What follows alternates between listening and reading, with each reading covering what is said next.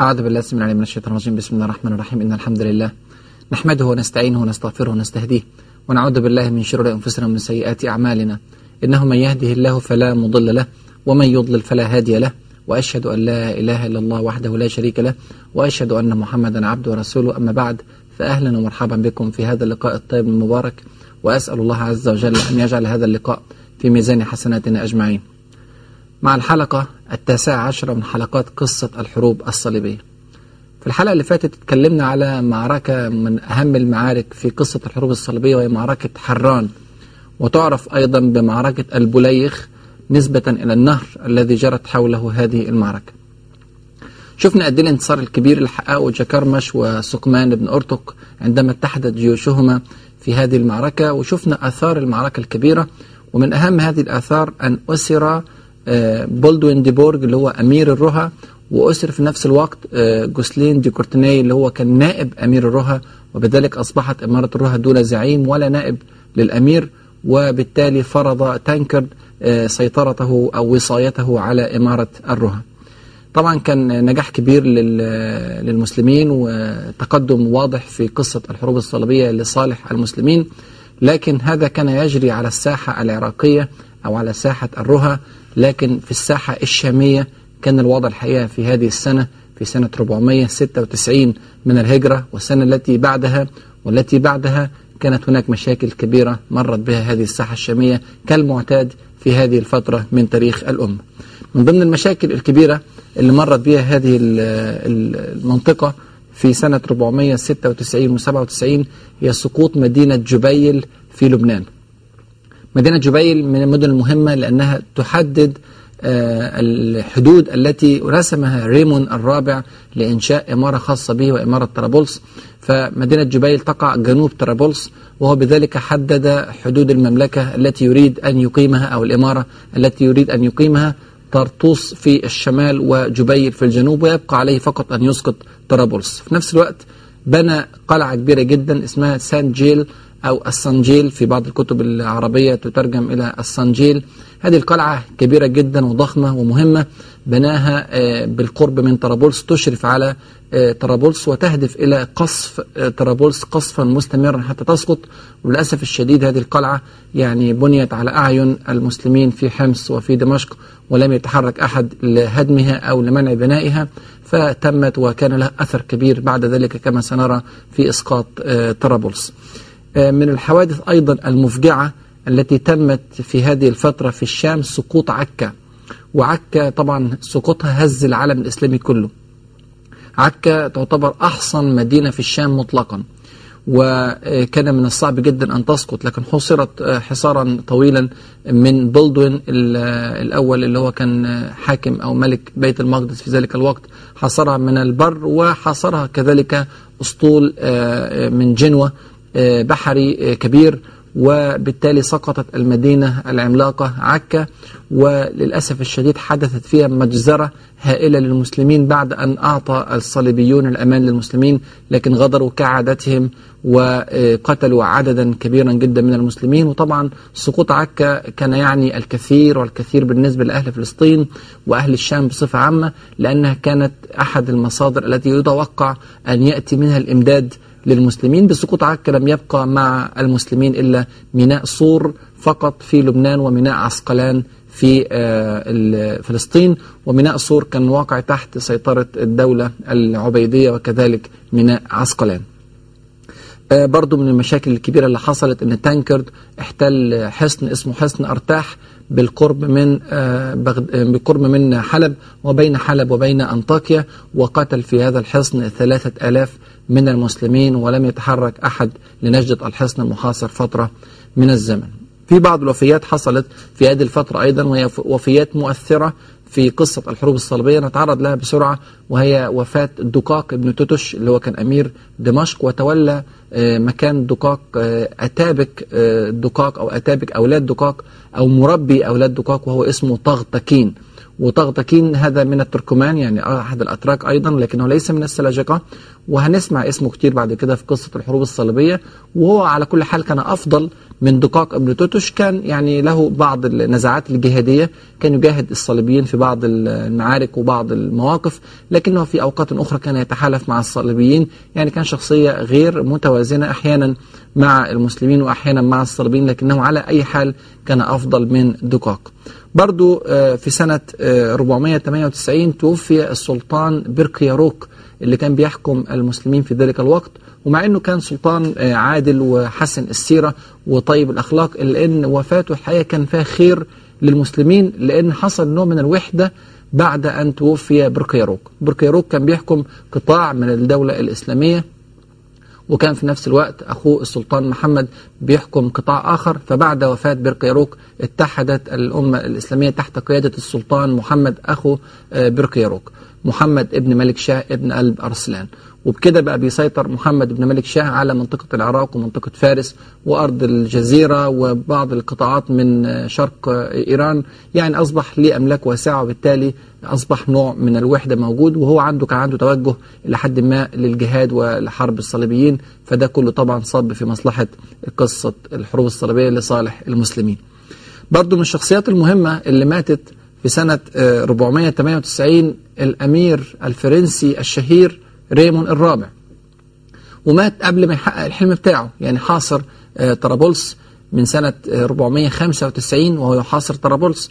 وأسقط طرطوس في سوريا في شمال طرابلس وأسقط الجبيل في لبنان في جنوب طرابلس. وبنى يعني الحدود بتاعة مملكة طرابلس أو إمارة طرابلس التي ينوي أن يقيمها لكنه, لكنه مات قبل أن يصل إلى حلمه.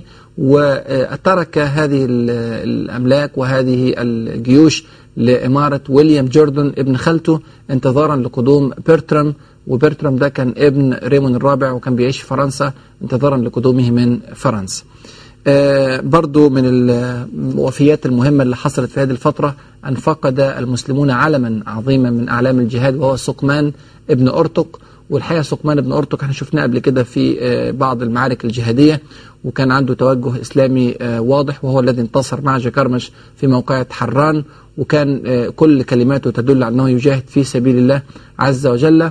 وعندما استغاثه أمير طرابلس ابن عمار وابن عمار هذا كان شيعي لو تذكره وكانت معظم السكان في أرض طرابلس شيعة لما استغاث سقمان بن أرتق تحرك له سقمان بن أرتق مع أن سقمان من السنية وكان رجلا ملتزما بدينه وورعا لكنه قال أن لابد لنجدة هؤلاء من الصليبيين وتحرك فعلا بجيشه.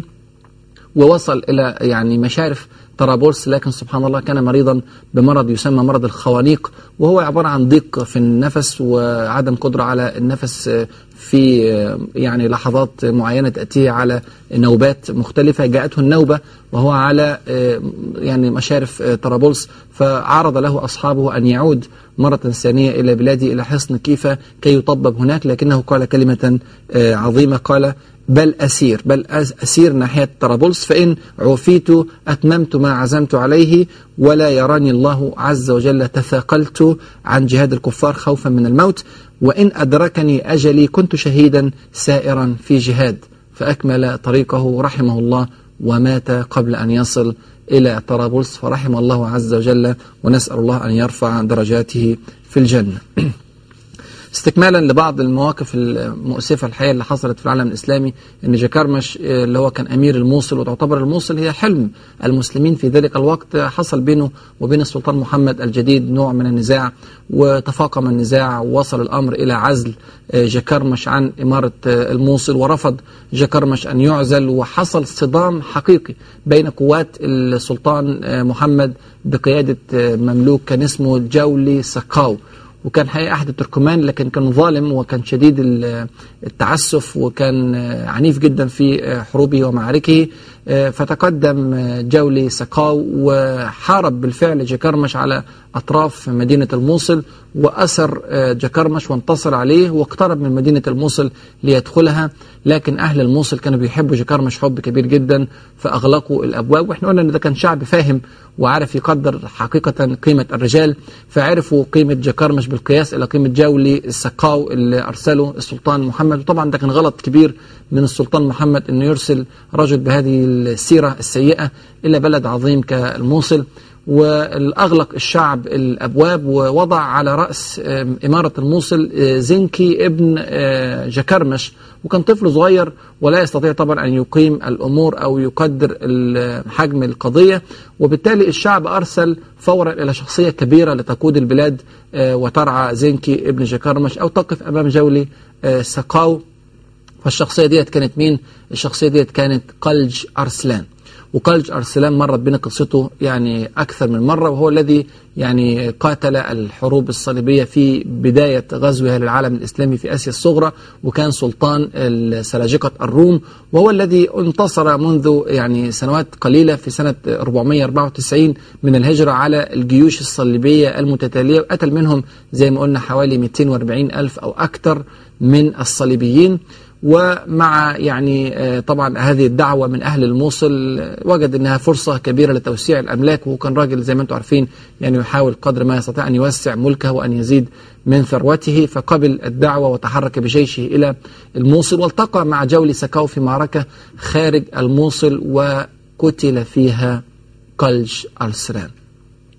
يعني هو سبحان الله جاي من آخر الدنيا جاي من آسيا الصغرى وما تدري نفس ماذا تكسب غدا وما تدري نفس بأي أرض تموت. يعني جاي من آخر الدنيا عشان يعني يزيد في أملاكه ويوسع من سلطانه ولكن شاء الله عز وجل أن يموت في أرض لم يطأها قبل ذلك ولم يقربها قبل ذلك وهي أرض الموصل. وانتهت بذلك قصة قلج أرسلان ويعتبر هو آخر السلاطين المهمين في هذه المرحلة في منطقة آسيا الصغرى وبذلك خرجت آسيا الصغرى تقريبا من قصة الحروب الصليبية وظلت القصة في أرض الشام. طبعا جولي سقاو في هذا الوقت لما قتل قلج أرسلان استطاع أن يدخل إلى مدينة الموصل وعامل أهلها بمنتهى التعسف والظلم وقتل عددا كبيرا من سكانها ويعني أرهق الناس إرهاقا كبيرا. وطبعا لأنهم قبل كده رفضوا دخوله مرة والثانية. فعملهم بهذا العنف الشديد ووجد المسلمون أنفسهم في ضائقة شديدة وشعر السلطان محمد السلجوقي بمدى الخطأ الذي ارتكبه في حق المدينة بإرسال هذا الظالم إليها. فأرسل لها رجلا آخر هو مودود ابن التنتكين. والاسم ده عايزكم تحفظوه كويس جدا وتعلموه لنفسكم ولجيرانكم ولأحبابكم ولأولادكم.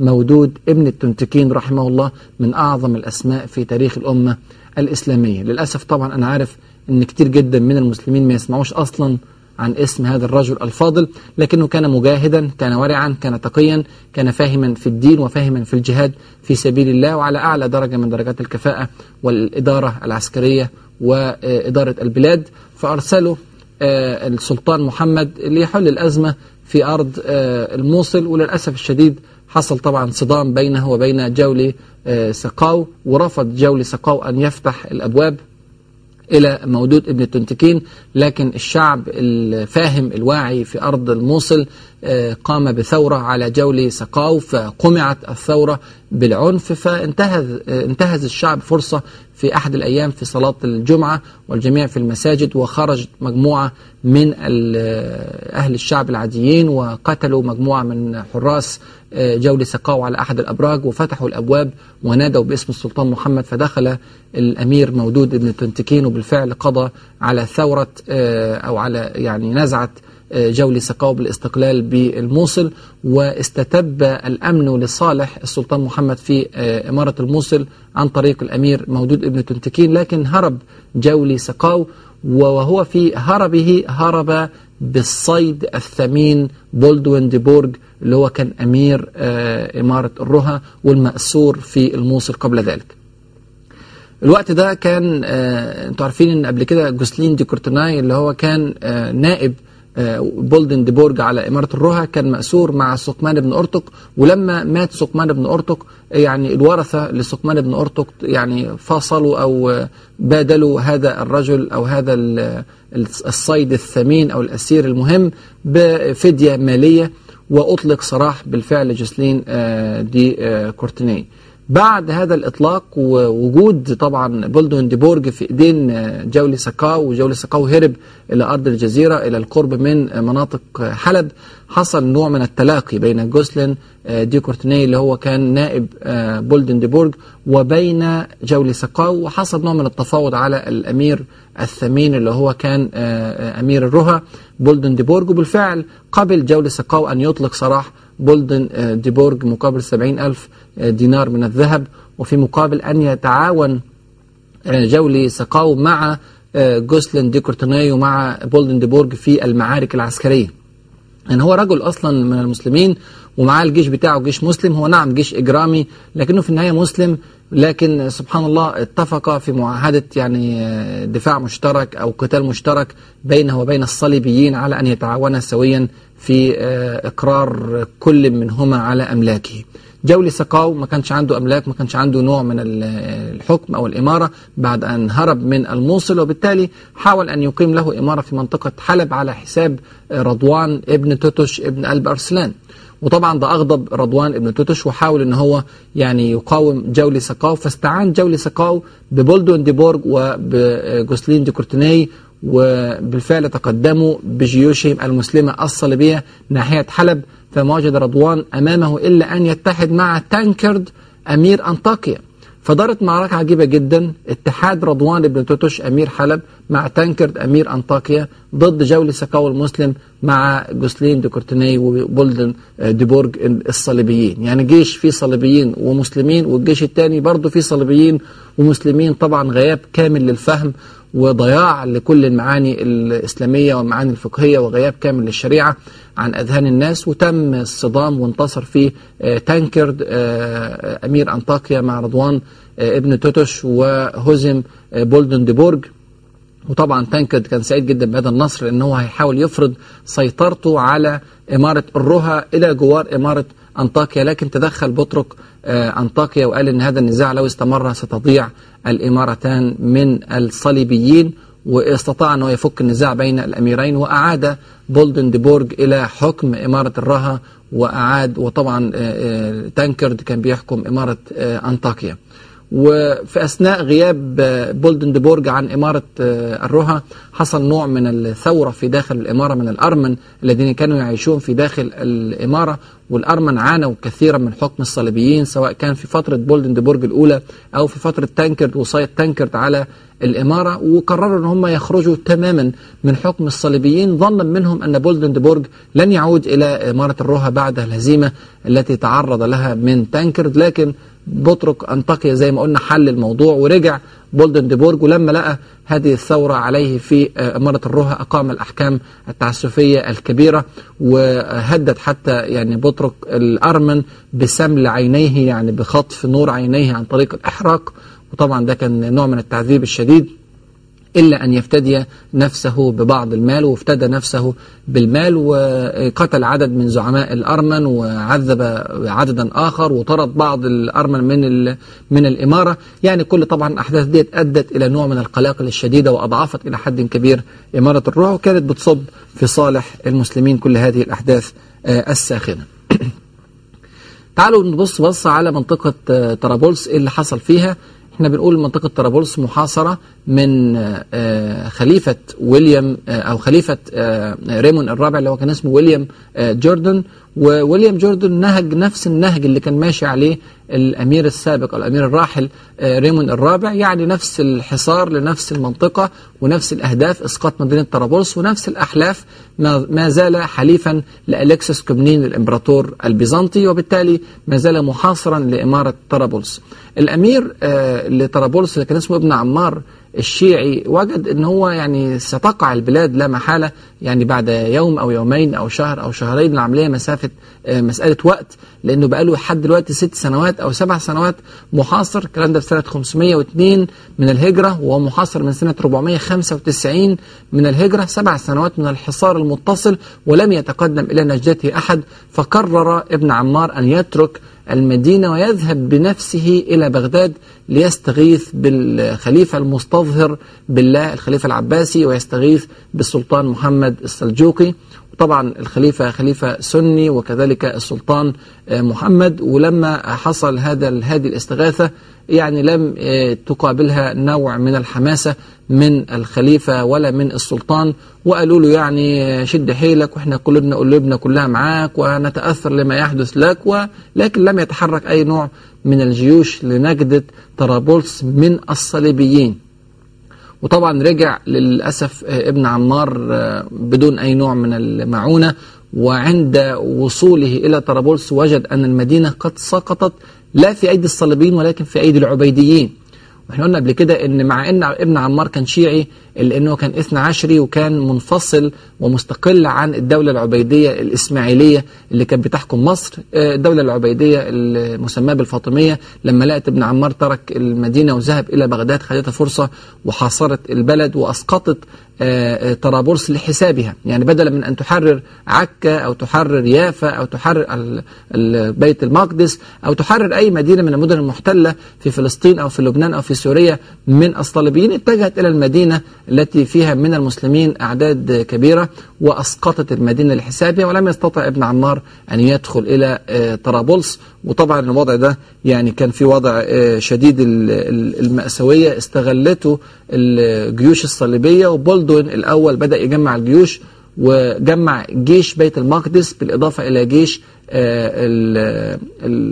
طرابلس بالإضافة إلى جيش تانكرد وعمل منهم جيش موحد وبدأ يهاجم مدينة طرابلس. في الوقت ده وصل برترام ابن ريمون الرابع آه وعلى طول أول ما وصل عايز يستلم الأملاك بتاعته وأملاك أبيه الراحل وحصل نوع من الصدام بينه وبين ويليام جوردن اللي هو كان ابن خالة ريمون الرابع واللي كان مستخلف على أملاك ريمون الرابع. حصل بينهم صدام وويليام جوردن قال أنا حافظت على هذه التركة واللي هي فيها حق فدخل بولدون الأول وعمل نوع من المصالحة بين الطرفين وقسم بينهما مدن المسلمين.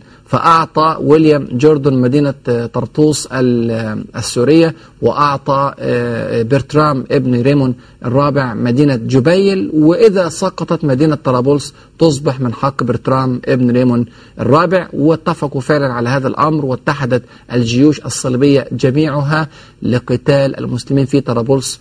وبالفعل في سنة 503 من الهجرة سقطت مدينة طرابلس بعد حصار ثمان سنوات متصلة دون أي نوع من المساعدة من المدن الإسلامية الكثيرة جدا المحيطة بطرابلس. سقوط طرابلس طبعا هز العالم الإسلامي لأنها سقطت بعد فترة طويلة من الحصار وأعطي أهلها الأمان من الصليبيين لكن معتاد طبعا أن يعطى الأمان ويخلف الوعد.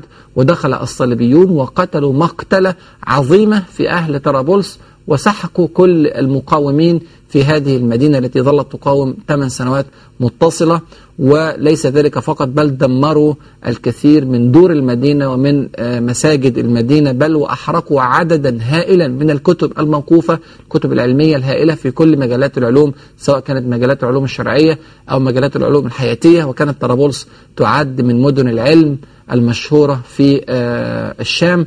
ولعلنا لا نبالغ إن قلنا أن في ميادين طرابلس أحرقت أكثر من ثلاثة ملايين كتاب. تخيل أكثر من 3 مليون كتاب في ميادين طرابلس أحرقت وضعت ثروة هائلة على المسلمين وعلى العالم أجمع. للأسف الشديد بعد آه هذه المعارك آه الضارية بدأت تتساقط مدن الساحل يعني الشامي ببساطة شديدة جدا. سقطت بنياس وسقطت جبلة في يد تانكرد وسقطت بعد ذلك بأربع شهور بعد سقوط طرابلس بأربع شهور مدينة بيروت. العظيمة في لبنان وسحق أيضا شعبها تحت أقدام بولدوين الأول وقتل منهم عدد كبير وضمت بيروت إلى مملكة بيت المقدس وسقطت بعد ذلك أيضا مدينة صيدا وسقط حصن الأثارب وهو حصن في غاية الأهمية مشرف تماما على مدينة حلب. ورضوان ابن توتش رفض أن يدفع ثلاثة ثلاثين ألف من الدنانير الذهبية لإنقاذ حصن الأثارب من الوقوع في يد تانكرد ورفض أن يدفع الفدية ورفض أن يدافع عن عن الحصن بجيشه وبالتالي سقط حصن الأثارب المهم في يد تانكرد وقتل في داخل الحصن ثلاثة ألاف من الجنود المسلمين. وبذلك أصبح هناك سيطرة شبه كاملة من الصليبيين على منطقة الشام ومنطقة فلسطين ومنطقة لبنان. وطبعا الأوضاع دي كلها كانت تنذر بمأساة كبيرة يمر بها المسلمون.